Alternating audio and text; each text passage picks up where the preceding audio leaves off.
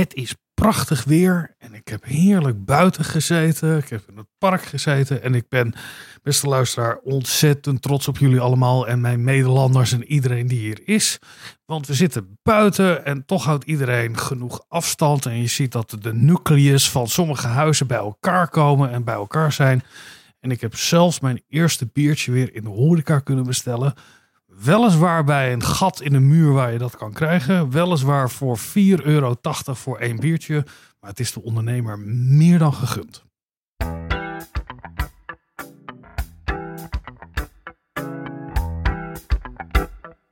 Deze podcast wordt mede mogelijk gemaakt door Code Clear. Duidelijk over websites en design.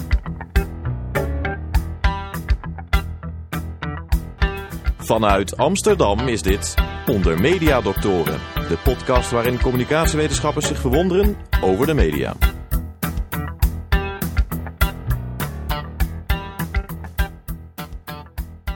Linda, ben jij eh, nog buiten geweest de afgelopen dagen in dit prachtige weer?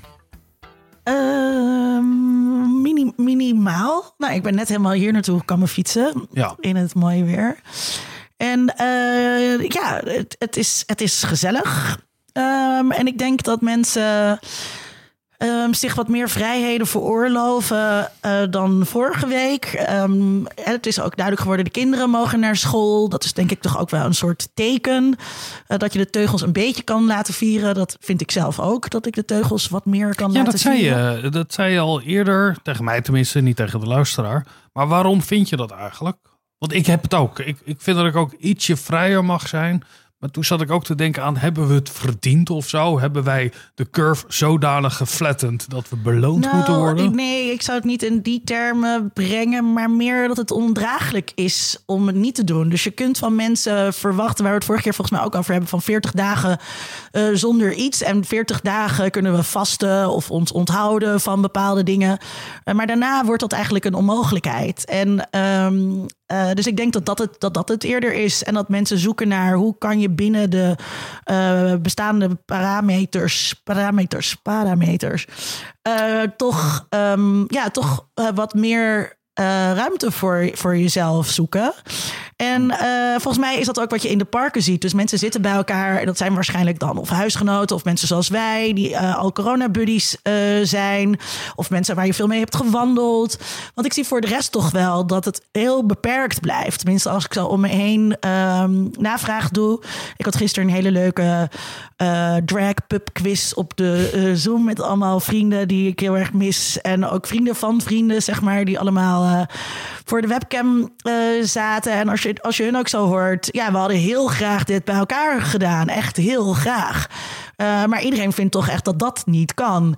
Maar er zaten wel goede vrienden met z'n drieën bijvoorbeeld bij elkaar. En dat mag dan wel weer, weet je wel? Dus er is een beperkte cirkel van contacten.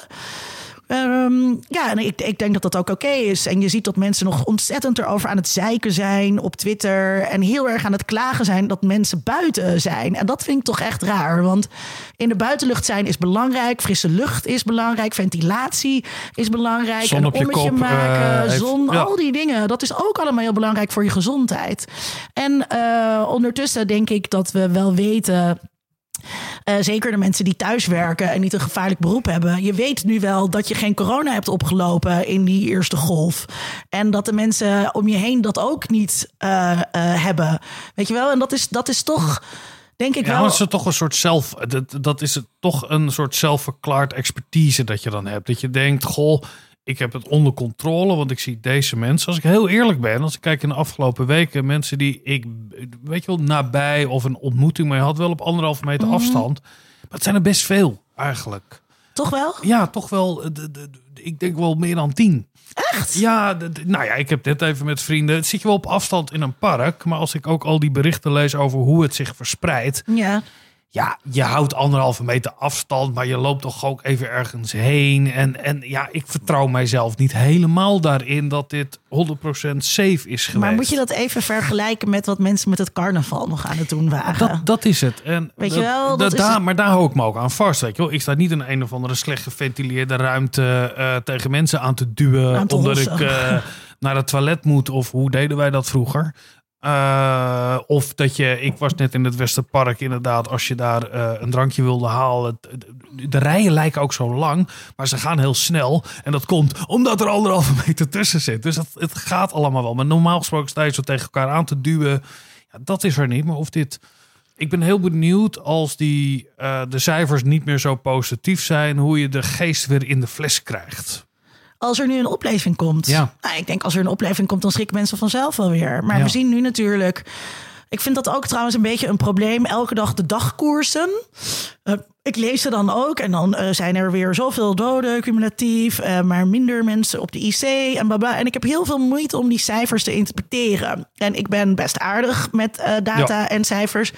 en als ik dat al lastig vind, wat moeten andere mensen er dan precies mee? Het zijn een beetje de sportuitslagen waar je verder niks mee kan. Maar mensen zien dat natuurlijk en die denken, nou ja, het, het neemt af, het wordt minder. En, en vervolgens hoor je ook de boodschap van, van Rutte. dat bepaalde dingen dus weer mogen. En, nou, maar de trend is ook naar beneden. Dus uh, uh, in die zin.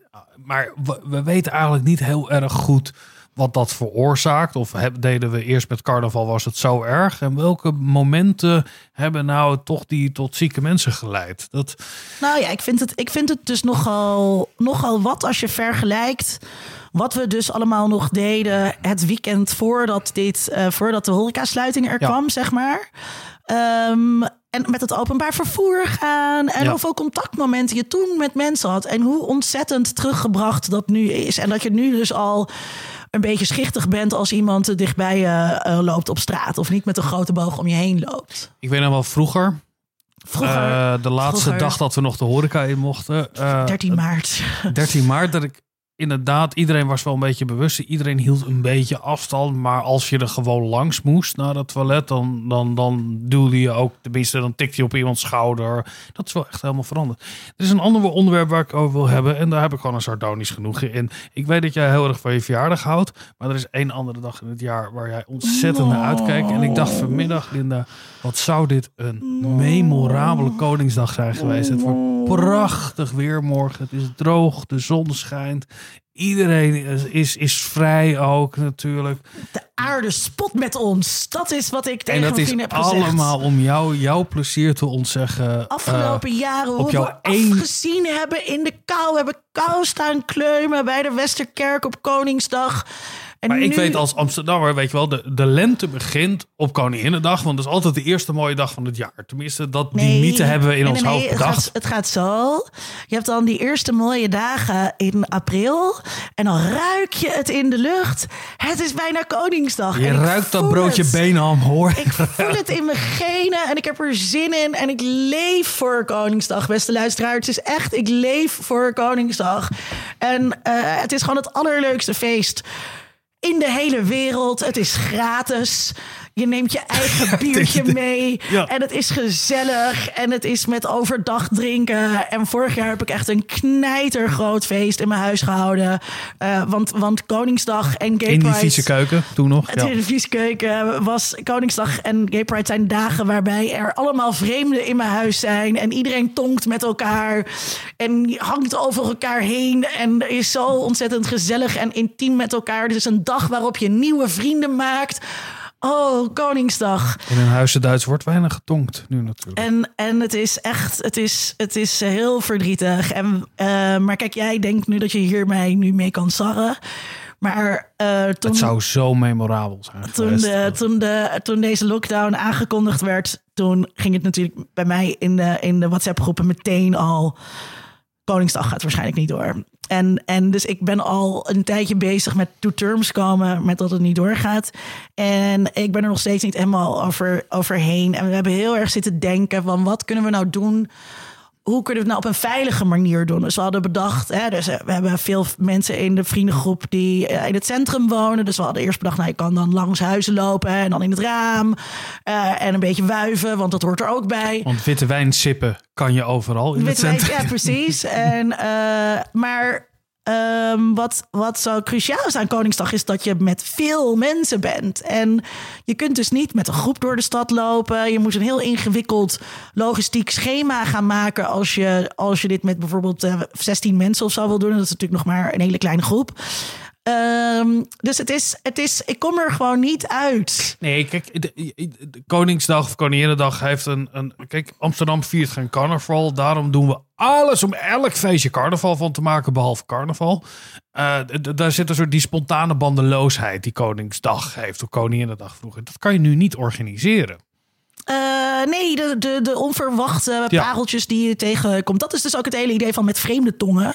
En dat is waarom mijn huis, weet je wel, dat is ook bekend bij mensen. Van, oh ja, weet je wel, dan gaan we Als je nou graag keer met een vreemde wilt tongen, dan eh, moet je... en Gay Pride is ook al afgelast. En we hadden dus gisteren die, die, die drag pub quiz. En toen zei een vriend vandaag heel, heel verdrietig van... ehm, eh, we hebben helemaal niks om naar uit te kijken.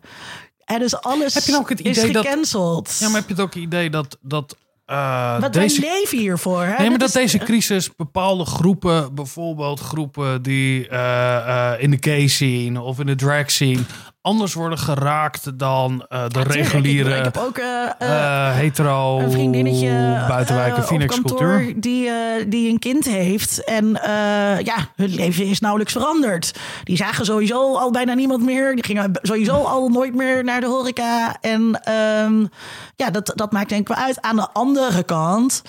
Ik, eh, dat verandert natuurlijk heel veel voor mensen met jonge kinderen. Hè? Die hun kinderen die naar school kunnen sturen. Ja, dat maar hun kind is vier, dus die is pas net op school. En die was eerst de hele dag thuis, Ja. nu ook weer de hele dag thuis. Dat valt dus dat valt wel mee. En eh, zij, zitten, zij zitten dus heel erg in hun eigen cirkel. Wat je daarbij ziet, dat vind ik dan ook eens frappant. Zij hebben dus allemaal heel veel contacten. Want ja, de, de, de kinderen van de buren die spelen toch al met elkaar. Dus Ja. kunnen wij ook net zo goed aan elkaar. En dat vind ik dan dus.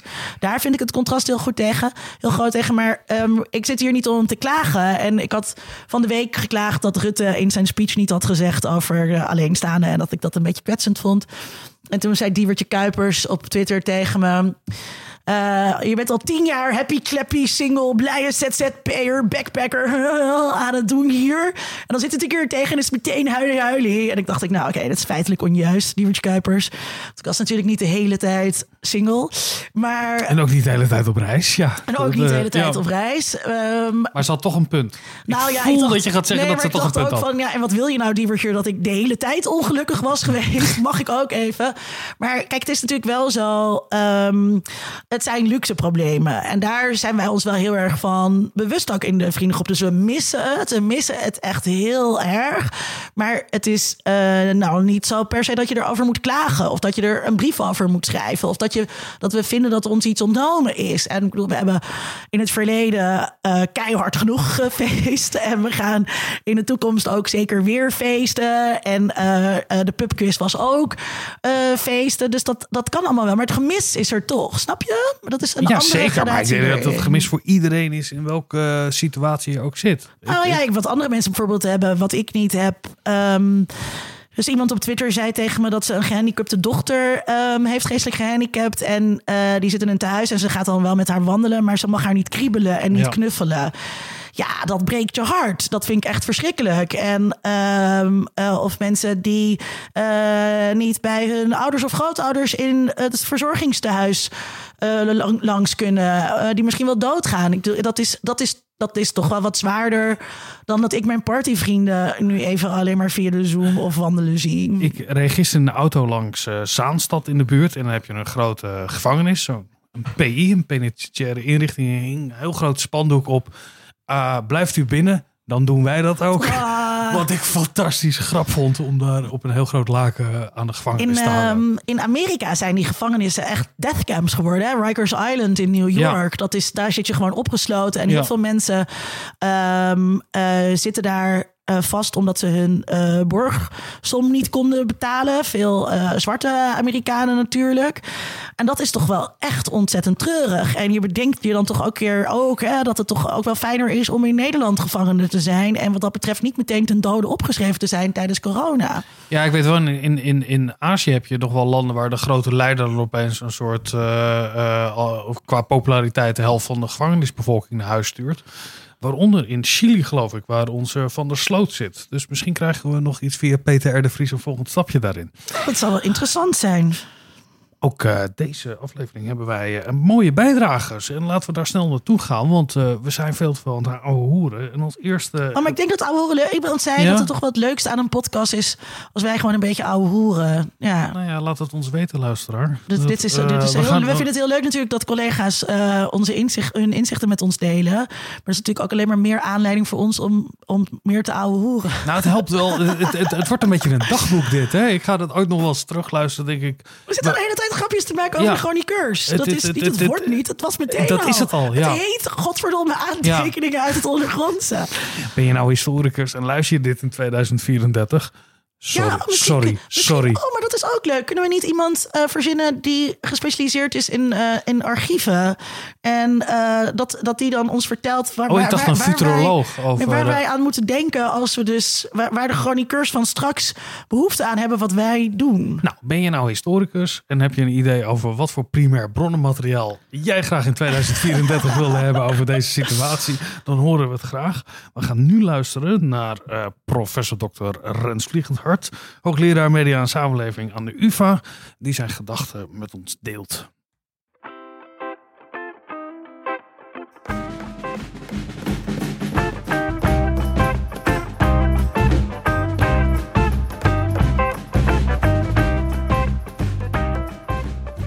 Dag allemaal. Uh, vanuit mijn uh, expertise uh, zijn er een heleboel vragen die ik, die ik in deze tijd wetenschappelijk interessant vind. En een van de dingen daarvan is uh, de rol die experts spelen in het uh, publieke debat. Uh, en ook de legitimiteit die ze daarbij krijgen. En nou ja, goed, er gebeurt een heleboel in de, in de afgelopen weken rond die experts in, in de discussie over hun, hun expertise, over hoe goed ze het weten, in hoeverre we ze door hen moeten laten leiden. Um, en je ziet een aantal parallellen met, uh, met andere discussies uh, die uh, voor de coronatijd al, al gaande waren. zoals bijvoorbeeld rond vaccinaties, waarbij ook door bepaalde groepen in, in de samenleving experts ter discussie gesteld werden. En wetenschappelijke kennis ook ter discussie gesteld wordt. En dat gebeurt hier ook, maar niet de hele tijd. En in een hele dynamische manier. Want uh, wat, je, wat je ziet gebeuren is dat uh, eigenlijk de rol van bijvoorbeeld het RIVM en van Jaap van Dissel eigenlijk door de tijd heen verandert. Dat daar ook kritiek op is, maar dat er daarnaast ook met grote regelmaat juist heel veel steun voor is. En dat het een enorm interessante dynamiek is en die zou ik heel graag in, in groter detail willen, willen onderzoeken. Wat zijn de kritische geluiden? Um, in hoeverre krijgen die voet aan de grond? Wanneer wel, wanneer niet? Uh, en ook in de komende weken wordt het volgens mij uh, enorm spannend. Want hier wordt natuurlijk de wetenschappelijke expertise bijzonder nauw genomen. Eigenlijk vooral medisch uh, geformuleerd.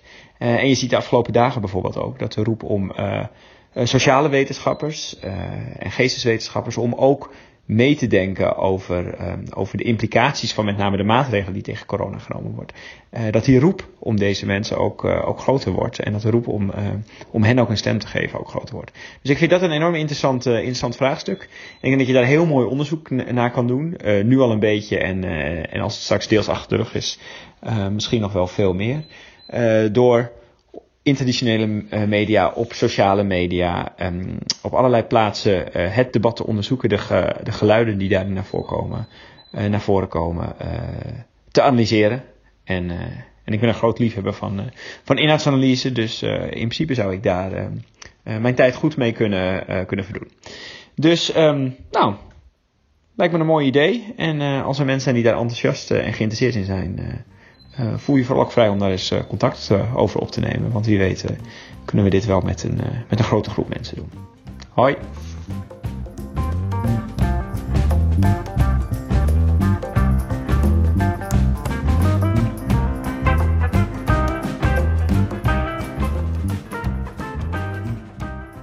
Wat een leuke collega's hebben we toch? Fantastisch. Ja, ja. En, en, heb je daar ideeën voor? Een mail zeker, Rens het, ik vind het heel herkenbaar. Hè? Dat, dat, als je een deskundige op tv hoort. die het eens is. de deskundige in de media. Die, die, iets vertelt waar jij het mee eens bent. dan denk je. Oh, deze meneer of mevrouw is heel erg deskundig. Mhm. Terwijl als iemand iets vertelt waar je het niet mee eens bent. is het natuurlijk een fopwetenschapper. Ja.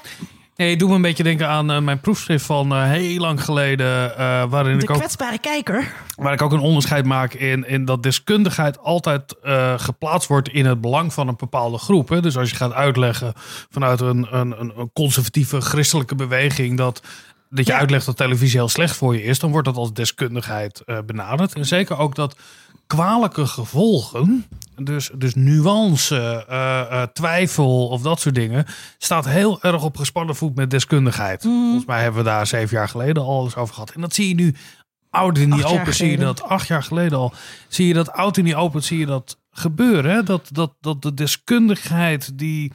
Eh, de deskundige die zegt, ja, we weten het gewoon nog niet zo goed. Ja, dat is natuurlijk helemaal niet een prettige deskundige. Ik eh, zat eh, afgelopen vrijdag, ben ik vreemd gegaan, sorry Vincent. Ik zat in de podcast De Beste Stuurlui van BNR. Met Constantijn Roelofs en ook weer die Diewertje Kuipers, waar ik het net al over had.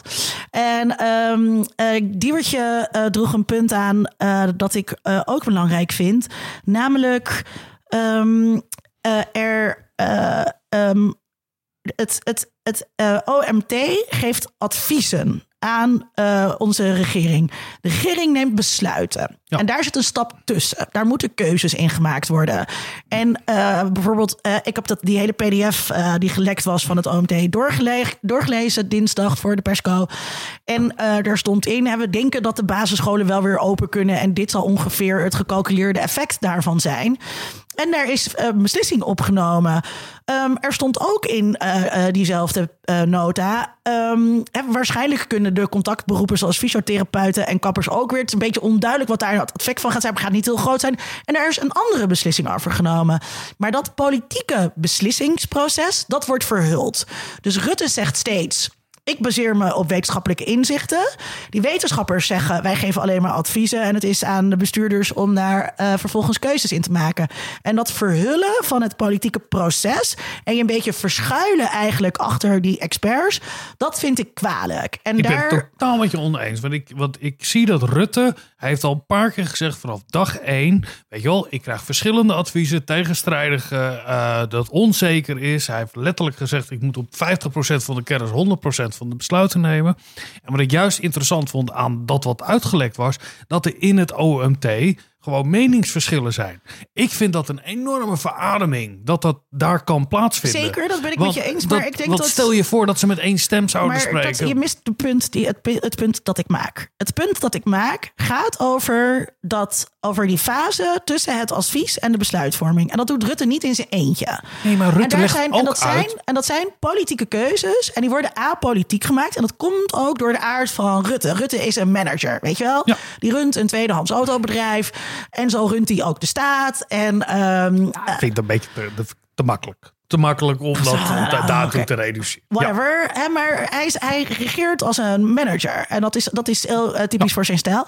En dat depolitiseren van dingen die wel degelijk politiek zijn. Ehm, en dat, en dat ver, verborgen houden daarvan, dat is wat ik eh, kwalijk vind. Het- en het daar mij zou juist meer op. duidelijkheid over moeten zijn. Hè? Eh, wat is er vervolgens na dat advies van het OMT gebeurd? Hoe heeft eh, het kabinet, wie, wie gaan daar dan allemaal over beslissen?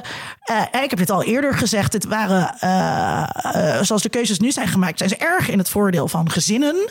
Eh, en dat is natuurlijk niet toevallig met een eh, eh, rechts met de kerk conservatief ehm, kabinet. Dat Ik heb, was ik heb iets heel anders, anders gehoord. geweest als daar. ehm, Ik heb hem horen zeggen ook bijvoorbeeld het sluiten van de scholen. Dat het niet een advies was vanuit het OMT, maar dat die signalen uit de samenleving, dat ouders hun kinderen niet meer zouden brengen, dat er Dat leraren eh, er zijn. Dus dat hij laat continu zien dat het een overweging is waarin er ook gaat over het vreselijke woord draagvlak in een maar samenleving. hij laat toch niet zien hoe hij tot die keuzes komt? Jawel, dat laat hij juist heel duidelijk zien door te, zeggen, door te zeggen, ik heb advies. Ik maak een overweging. Laat je niet zien hoe je die overweging hebt gemaakt.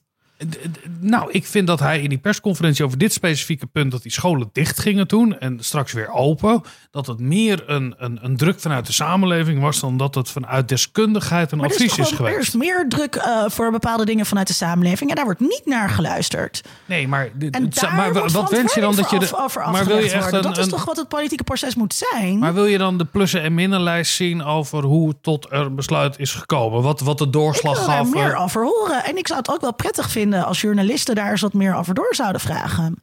En we zien als nu... hun WOP-verzoeken wel erkend worden, want dat is natuurlijk Nou wel ja, een en groot dat, maar dat probleem. is ook Ja. dat is een enorm probleem. Ja. Hè? Dat, die, dat die dat soort eh, beginselen. Denk terug aan de afleveringen die we met Sarah de Lange maakten. Zeker. Voor dit allemaal. Het eerste dat er. eh, Dit soort democratische grondbeginselen zijn ontzettend belangrijk. Ehm, dan over wat eh, Ren zei over ehm, welke, naar welke wetenschappers luisteren we nou eigenlijk. Volgens mij hebben we het hier al eerder over eh, gehad. Ehm, dat, het zijn vooral medici. Er zitten ook geloof ik een paar psychologen in. Nou, eh, mensen die mij kennen weten hoe ik denk over de psychologie. Ehm, ik, eh, ik Ik hoop dat er wat evolutionaire psychologen zitten die misschien kunnen nadenken over wat betekende het vroeger eigenlijk als je heel lang in je grot moest blijven. Ja, En, en, terwijl je net je een dinosaurier wil neerknuppelen. Ja. Oh my god, echt hoor, echt. Hou op met me. Maar, ehm, eh, nee, Maar je ik- wil meer neurowetenschappers dat we, een, dat we ze in een scanner leggen. Dat we zien welke hersendelen oplichten bij het idee stop dat je corona pesten. Ja, die, die hersengebiedjes worden rood. Ja. Dat is hetzelfde als wanneer je aan vlees denkt. Nee, het zou worden wel fijn zijn als er ook gewoon een socioloog in zit. En, eh, en ik was heel blij dat José van Dijk iets mocht vertellen over apps. En eh, terwijl José helemaal niet de grootste technicus is. Mm. Maar wel iemand die heel goed kan nadenken over hoe platformsamenlevingen werken. En dat, dat zij ook in zo'n panel zat om daarover te Ik las spreken. een stuk eh, over. En ik weet niet meer of het in het Nederlands was of in het Engels. Dus het is niet meer terug te vinden. Ehm, of, maar misschien heeft een luisteraar die denkt: Oh ja, dat heb ik ook gelezen. Eh, eh, laat het dan nog even weten, want dan kunnen we het nog delen. Dat eh, een pandemie, en dit was, kwam vanuit historici. Een pandemie is niet in eerste instantie een medische kwestie. En dat is eh, wel zoals het nu gebracht wordt. Hè? Dat we alleen maar naar medici luisteren. Maar het is een sociaal en culturele kwestie. Hè? Dus je hebt medici die nemen beslissingen over hoe wij ons sociaal en cultureel eh, kunnen gedragen. En ehm, eh, dat, dat is een, een hele, hele. Dat is, dat is maar zo'n klein deel van de wetenschap ook. En ehm, wat- da- da- daarom is mijn punt ook zo. Ik vind, niet, ik vind het fijn als onze bestuurders besluiten nemen die wetenschappelijk geïnformeerd zijn. Hoera, weet je wel? Een slecht besluit, wetenschappelijk ongeïnformeerd. Kijk naar eh, Trump eh, en eh, je, moet, je moet bleek drinken.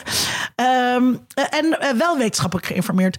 Maar het, betekent, maar het mag nooit zo zijn dat wetenschappers het land leiden. Dat is nou ook weer niet de je bedoeling. wil geen ook- technocratisch, eh, medisch technocratisch eh, Zeker systeem. geen Nee. medisch technocratisch Nee. systeem. Want ik weet niet of je wel eens medische wetenschappers spreekt.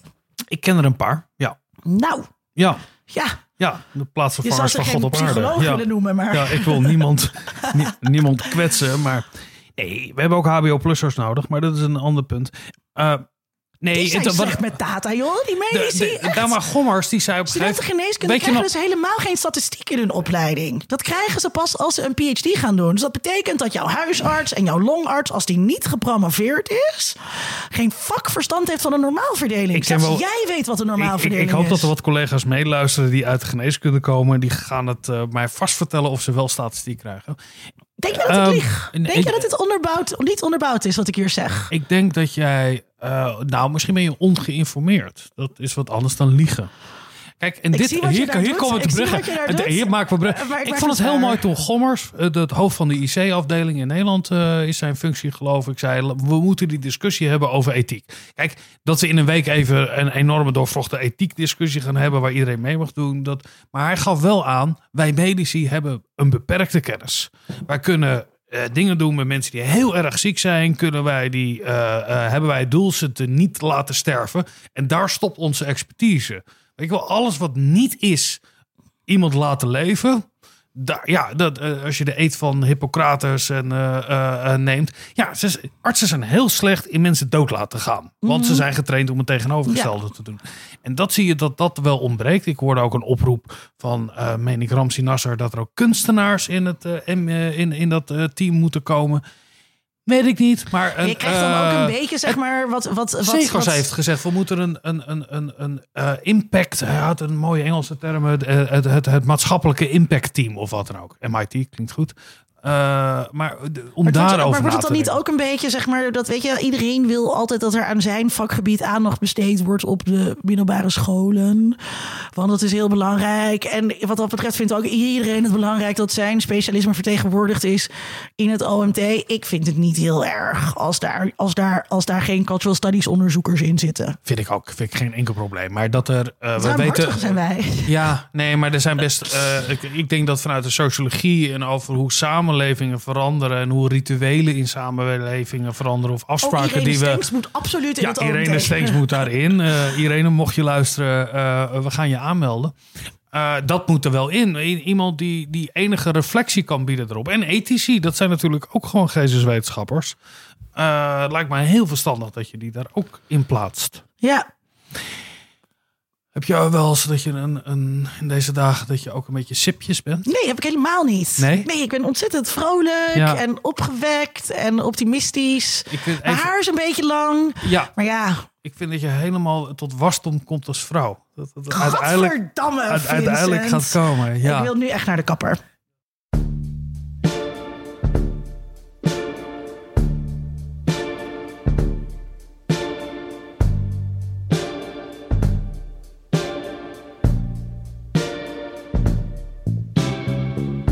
Het zijn donkere dagen,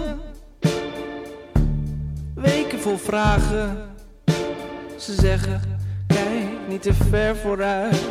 Maar zelfs met de blik op vandaag zie ik niks. Tussen momenten mis ik de hele lente. Ze zeggen, kijk nou al om je heen. Maar zelfs met de blik op dichtbij zie ik niks.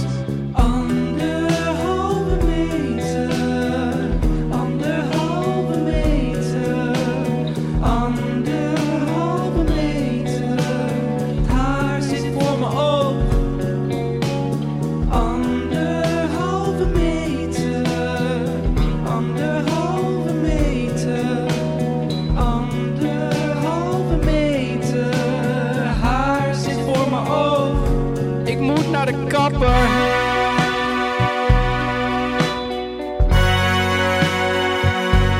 Ik moet naar de kapper.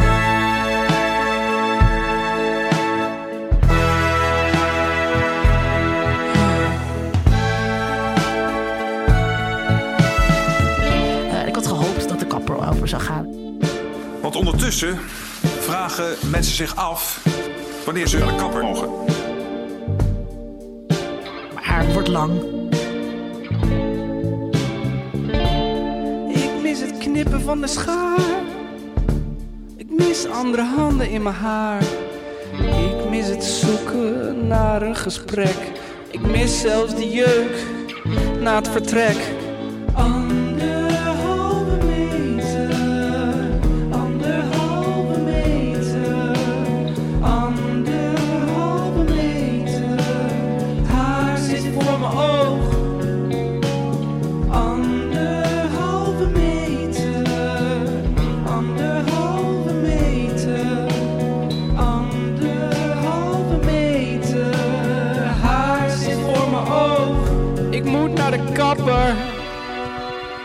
Natuurlijk altijd een beetje lachig over. Ook om het zelf voor jezelf draaglijk te houden of zo. Maar het is heel zwaar wat wij moeten gaan doen de komende tijd.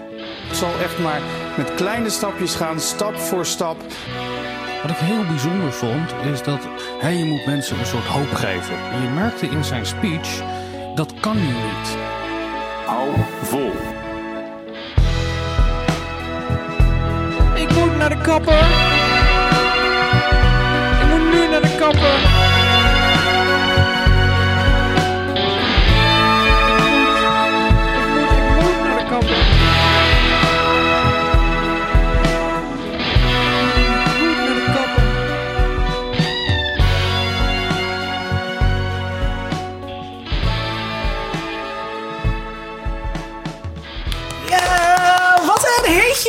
is toch een hit. Dit is toch gewoon de zomerhit, de lentehit van 2020 van onze redacteur Marius Kooi. Die Koop naast, deze EP.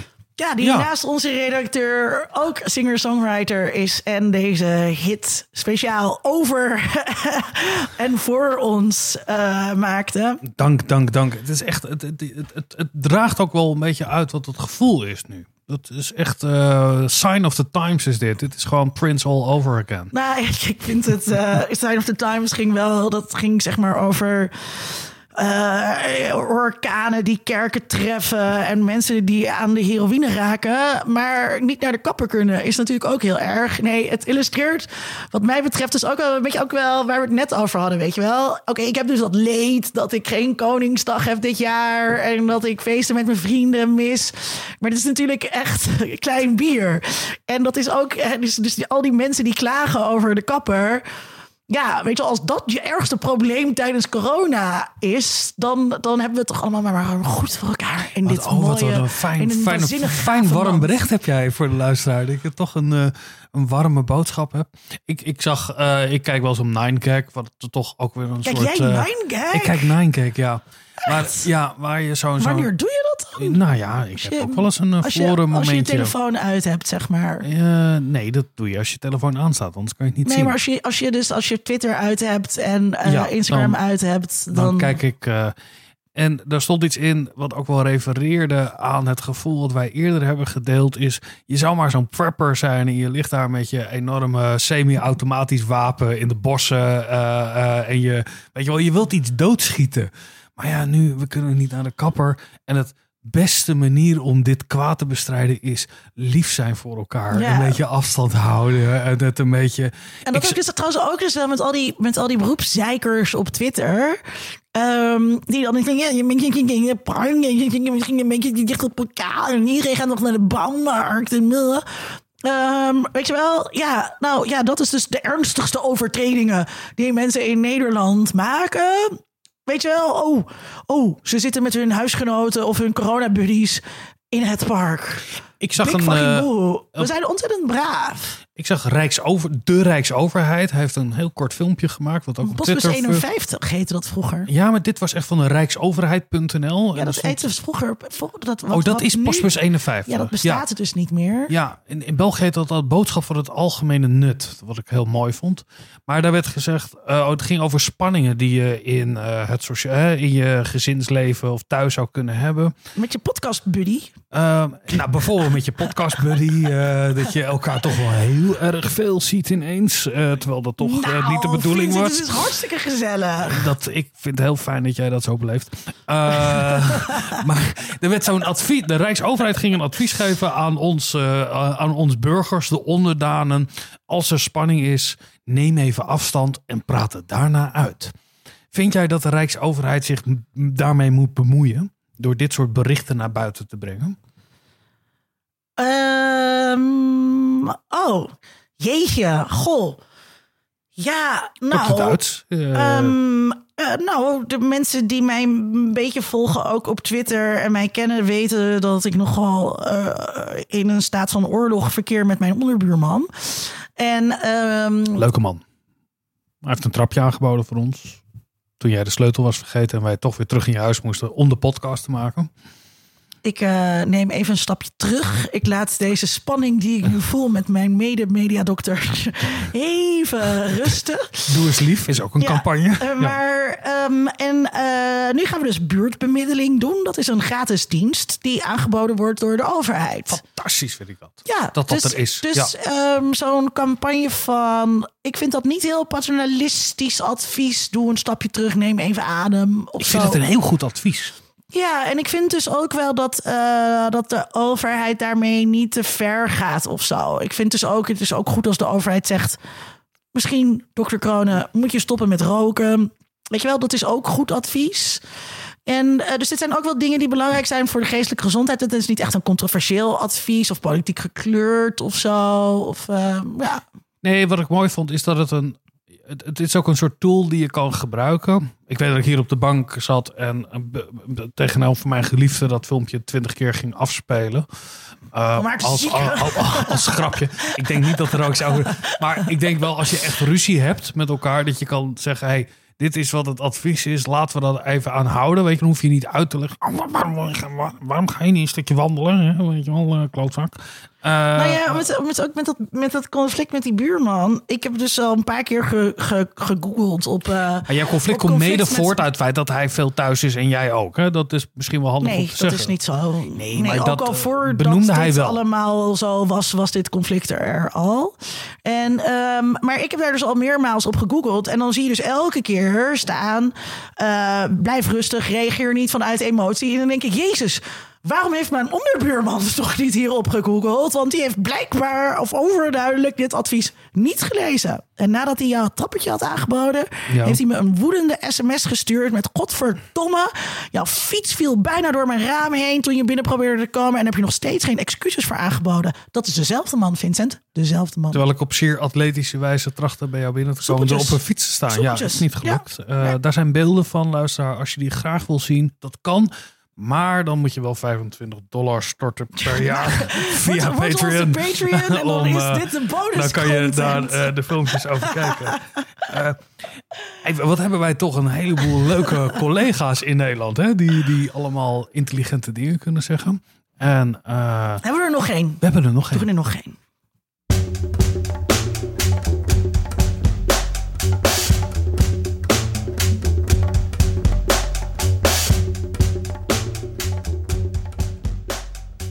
Hallo, mijn naam is Anna Helmond en ik ben universitair docent nieuwe media en digitale cultuur aan de Universiteit van Amsterdam.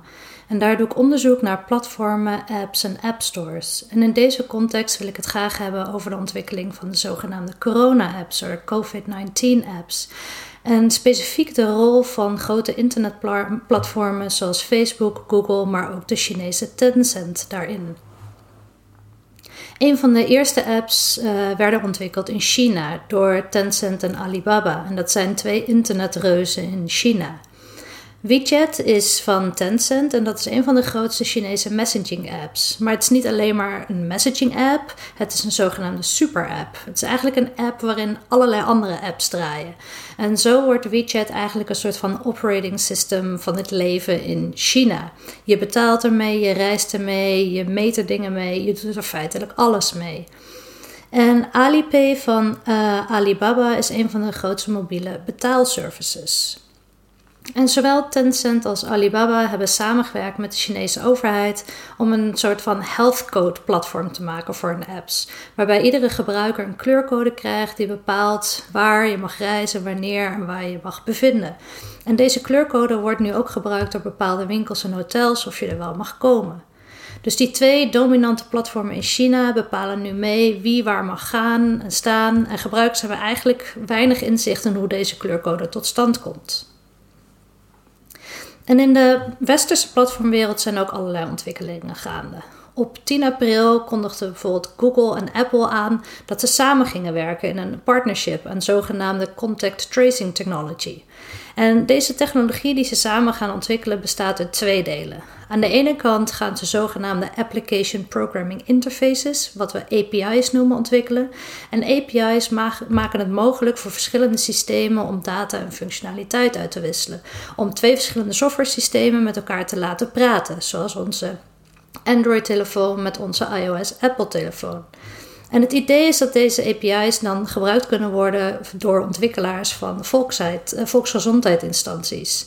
Uh, want op dit moment staan eigenlijk de app stores alleen maar toe om zulke officiële apps van volksgezondheidsinstanties in hun app store te hebben om misbruik te voorkomen. En ten tweede werken ze aan een breder contact tracing platform wat gebaseerd is op Bluetooth. En dit willen ze gaan inbouwen op het niveau van het onderliggende operating system van de telefoon van iOS en Android. De documentatie van deze systemen die op dit moment beschikbaar is, benadrukt een decentrale oplossing en dat privacy voorop staat. Maar ik wil hier een ander aspect benadrukken. Namelijk wanneer dit soort systemen gebouwd worden, worden ze ook infrastructureel als het in het onderliggende systeem ingebakken wordt. Tracing wordt dan onderdeel van het operating system en de infrastructuur van het systeem en dat gaat er niet zomaar meer uit. Het kan ook leiden tot wat men noemt function creep, oftewel dat een functie voor een bepaald doeleinde gemaakt wordt en vervolgens voor allerlei andere doeleinden gebruikt gaat worden. Dus wanneer dit contact tracing platform onderdeel wordt van het operating system, kan het mogelijk ook in de toekomst gebruikt worden voor andere doeleinden of door andere apps. Apple en Google noemen dit Bluetooth gebaseerde contact tracing platform in het operating system een meer robuuste oplossing dan de eerder genoemde API's, omdat hier uh, meer individuen aan zouden kunnen uh, deelnemen als ze ermee instemmen. Namelijk omdat het ingebakken zit in het operating system, hoeven gebruikers niet meer de officiële overheidsapps te installeren, want hun telefoon doet dan zelf al automatisch mee. Daarnaast zeggen ze dat het platform het mogelijk maakt om een breder ecosysteem van apps en gezondheidsautoriteiten van de overheid te bedienen. En dit is waar het wringt. Als het onderdeel wordt van het operating system, als de techniek infrastructureel wordt, dan kan het dus mogelijk ook door onbekende partijen gebruikt worden. Als dit onderdeel wordt van het onderliggende platform van Apple en Google, is het niet vreemd om te denken dat dit ook geïmplementeerd kan worden door bijvoorbeeld een app ontwikkeld door je werkgever, het openbaar vervoer of een andere instantie. Op dit moment hebben de API's die door Apple en Google ontwikkeld worden het doel om gebruikt te worden voor de ontwikkeling van officiële overheidsapps. Dus alleen de overheid krijgt dan toegang tot deze geregistreerde contactmomenten via onze mobiele telefoon. Maar op het moment dat deze API en het bredere platform een manier wordt waarop gegevens uit onze telefoon gehaald kunnen worden en gedeeld kunnen worden, moeten we ook nadenken over de langdurige consequenties daarvan. Als het een standaard onderdeel gaat worden van het operating system, is de vraag wie er toegang tot krijgt. Nu lijkt het alsof iedereen dat krijgt, waarbij er gebruik wordt gemaakt van de opt-in van de gebruiker. Maar wat betekent een opt-in als je werkgever je verplicht stelt dat je aantoont dat je niet in contact bent geweest de afgelopen weken met een mogelijk besmet iemand? Dat is een belangrijke vraag die we moeten stellen als dit soort grote platformen, die nu al ontzettend veel van ons weten en nog meer functionaliteit beschikbaar gaan stellen aan ontwikkelaars. We moeten ons afvragen of we willen dat bedrijven als Apple en Google, die al zoveel macht hebben, ook hier belangrijke beslissingen nemen die een mogelijk groot effect hebben op onze toekomst.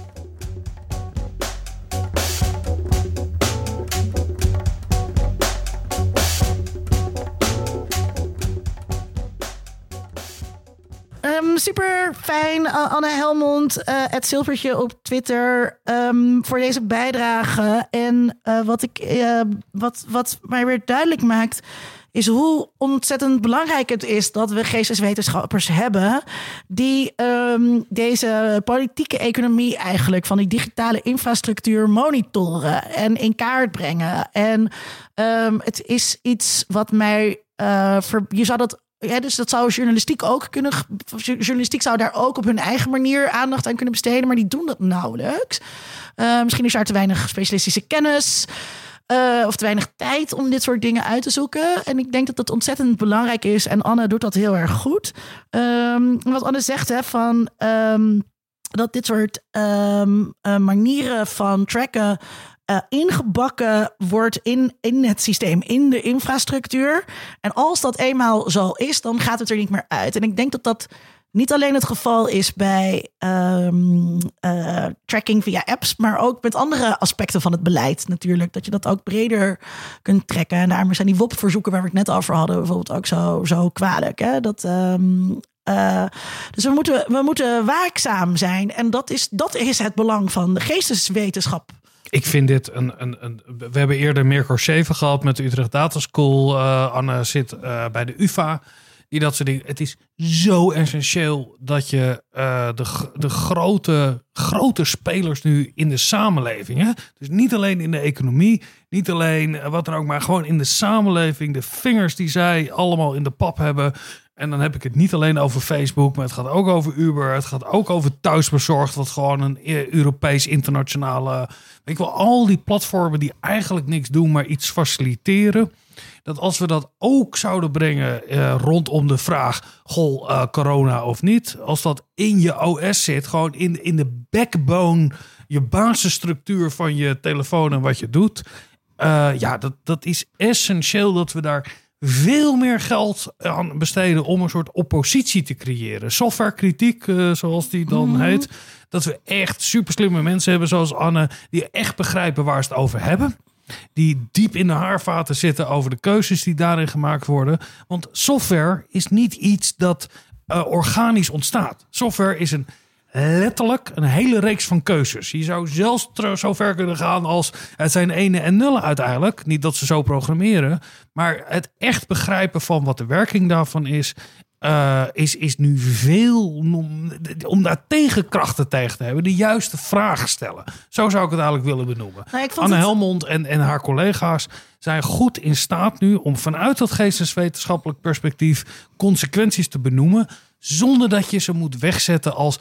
Oh god, dit zijn een stelletje linkse kritische zeikerts aan de zijlijn. die eigenlijk tegen een soort groot kapitalistisch idee zijn. Daar gaat, het, verbergen. ja, daar gaat het niet om. Het gaat erom als we een stap nemen. En daar ben ik echt van overtuigd. Die stap kunnen we nooit meer terugnemen.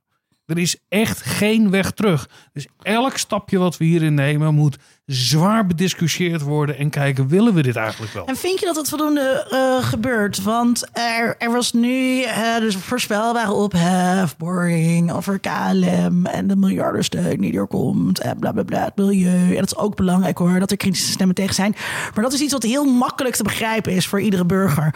Maar de samenwerking tussen Google en Apple eh, bij het maken van tracing apps leidt eigenlijk tot nauwelijks kritiek, want iedereen gebruikt de producten van Google en Apple met heel veel plezier. Ja. En ehm, is het, is het eh, minder duidelijk ook. Het is ook minder zichtbaar. Ik, vond, ik eh, had eh, een van mijn cursisten in mijn eh, schrijfcursus in Nijmegen. ehm, eh, is ook met dit soort onderwerpen bezig. En die zei.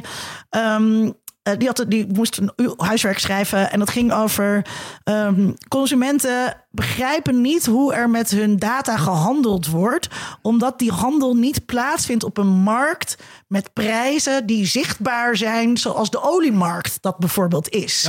Waar er elke dag dagkoersen zijn van wat de olie aan het doen is. Maar die data worden wel verhandeld, maar mensen begrijpen dat gewoon niet zo goed. Of een ander voorbeeld, Maxime Februari, die sowieso awesome is en een van de weinige eh, mensen in het journalistieke spectrum eh, die hier heel goed bovenop zit, die trouwens samen met mij in de Raad van Advies van Bits of Freedom zit. Ja, en hij- begrijpt er ook iets van, hè? Hij Dat- begrijpt er echt iets van. ja. En hij zei, het draait niet om privacy. Privacy is het verkeerde frame.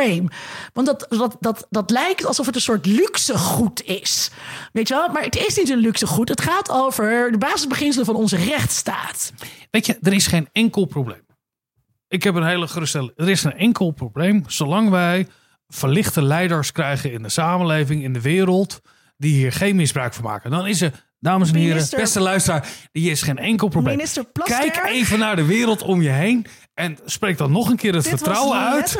Dit mag technologisch allemaal, zolang je verlicht leiderschap hebt wat goed nadenkt over de privacy van je burgers in, de, in, in het invasieve karakter. het verweer van minister Plasterk toen hij eh, vergrijpende maatregelen eh, wenste. Ik mocht hem toen eh, de Big Brother Award, ook van Bits of Freedom, steun die club, Juist nu. Over, Ja. overhandigen. En, ehm, eh, en hij zei dat, weet je wel. Ik ben benevolent, weet je. Ik ben... En eh, ja, nou Zelfs heb zou ik zelfs- het geloven. Ik heb zelfs bij Ronald heb ik daar al mijn twijfels over. Maar het is heel duidelijk wat gaat er gebeuren op het moment dat eh, een minder leuke partij dan de PvdA is ook wel is ook wel echt een kutpartij, maar dat een, een minder leuke partij eh, aan de macht is. Ja, en, en, en wat, En maar wat, dus wat- belangrijk wat- is bij Anne, is dat het dus...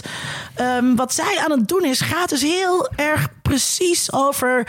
wat is in handen van wie? Wie bedenkt welke plannen? Hoe komt dat... eh, hoe wordt dat uitgewerkt in die infrastructuur? En dat is... Ja, dat gaat veel verder dan dus de simplistische discussie over privacy. Want... Ik denk dat de meeste burgers zullen zeggen: ik heb liever geen corona dan eh, privacy. Ik heb eh, eh, de afgelopen jaar heb ik meegedaan of eh, bijgedragen aan het opzetten van een nieuwe opleiding bij de Universiteit Utrecht. De Beste universiteit van Nederland. En dat, die opleiding gaat Applied Data Science heten. Dit is niet een promoplaatje. Oh mijn maar, god, dat een eh, data science heette? Ja, Je weet toch wat ik heb gezegd over data science? maakt niet uit. Is there any other kind? Precies. What the fuck, Vincent? En maar- dan ook nog toegepast. Ja, toegepaste. Maar daar, het, het mooie van deze opleiding is dat, daar mensen. Nee, laat me even uitspreken. Laat me even uitspreken. Laat mij Studies. uitspreken. Daar zitten mensen in vanuit eh, die een bachelor-achtergrond hebben in de geneeskunde, maar ook de geografie, vanuit de mediastudies, vanuit de sociologie, die samen aan projecten gaan werken. En wij moesten opschrijven natuurlijk, want dat moet in Nederland over. Is daar wel behoefte aan in de samenleving? Nou, ik heb daar meegeschreven aan dat stuk. Dat heet dan een CDAO. Eh, Man, wat zitten we hier nu middenin over om hier deskundige mensen op te hebben die ook kunnen praten met mensen vanuit de geneeskunde en met sociologen en met mediawetenschappers en met wiskundigen over wat we allemaal kunnen weten en goede statistiek daar kunnen hebben. Wat, wat, wat, wat ga, de, ga deze opleiding doen als je luisteraar bent en eh, je doet een bacheloropleiding, eh, eh, mail me. Waarom Maar, niet een andere naam kiezen? Het is zo belangrijk. Waarom wordt het al zo'n bespottelijke onzinnaam? Library Learning Center. Ja, ik weet wel dat aardwetenschappen heeft op een gegeven moment zijn naam veranderd naar Future Planet Studies. En opeens waren er veel meer mensen. Het komt erom dat twintigjarige op, mensen Vincent, een beetje domme keuzes maken. Luister, heb je eh, een mening over of dit een bespottelijke titel is? Laat het ons weten. Maar ga wel die opleiding doen. Want ik zit te denken, als ik nu fucking 19 zou zijn of 20. Ja, Oh ja, zou, hier. jij, zou jij dan hiervoor kiezen? Ja, absoluut. En niet voor eh, iets met eh, televisie en kwetsbare kijkers? Nee, ik zou dit gaan doen. Ik zou, en ik, ik doe nu ook de belofte, want ik zit een beetje. Ik, Maar ik, wil, ik, wil ook gewoon een cursus doen, inleiding, data, studies. Ja, alles is data, maar over hoe dit werkt. Jij weet er ook te weinig van. Ik weet echt heel veel van data. Dat Ja, heb ik net nog beweerd. ja, maar die ik ben overschatting methodoloog. Dat is gewoon genoeg om te hebben met... Ah. Ja, maar dit is, deze, deze overschatting Data van het eigen eh, is vermogen is natuurlijk de grote ondergang.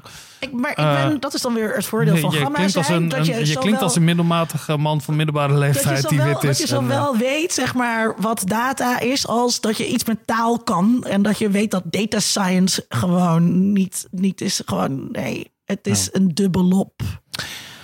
Beste luisteraar, wij waarderen enorm alle hoge luistercijfers die we hebben voor deze reeks. En alle collega's die een bijdrage leveren. En alle leuke reacties die we krijgen. Eh, nog even een speciale shout-out naar Marius voor het lied. Die jullie allemaal waarschijnlijk ergens anders kunnen luisteren. Eh, die kan Wat je ergens... Het lied, het coronalied. Oh, je denkt dat dit Ja. een vlucht gaat nemen? Dit, Dit gaat een enorme vlucht nemen. Dat het Weet, echt een hitje gaat worden. waar hoorde je het voor het eerst? Bij Ondermedia Doctoren. Heb je vragen, opmerkingen, commentaar? Oh, wat dan ook? even- Laat het ons weten. We moeten even bedanken. Margriet van Twisk, die heeft een donatie aan ons gedaan via de Een, een, donatie. kap- een kapitale donatie. Kapitale Eh, donatie, niet iedereen bedankt. hoeft zo diep in de buidel te tasten eh, zoals deze luisteraar. Nou, dan klinkt het bijna Eh, alsof jij aan het shamen bent. Nee, helemaal niet. Maar, maar ik dat kan via de donatieknop. Je kunt natuurlijk ook onze patroon worden via Patreon, zoals... nu ben ik zijn naam kwijt. Dan heb ik het echt zo vaak gezegd. Eh, Matthijs van Lisdorp. Matthijs van Lissen. Sorry Matthijs. Leuk dat Matthijs. je luistert, Matthijs. We love you. wij zijn er eh, heel snel weer. Tot dan.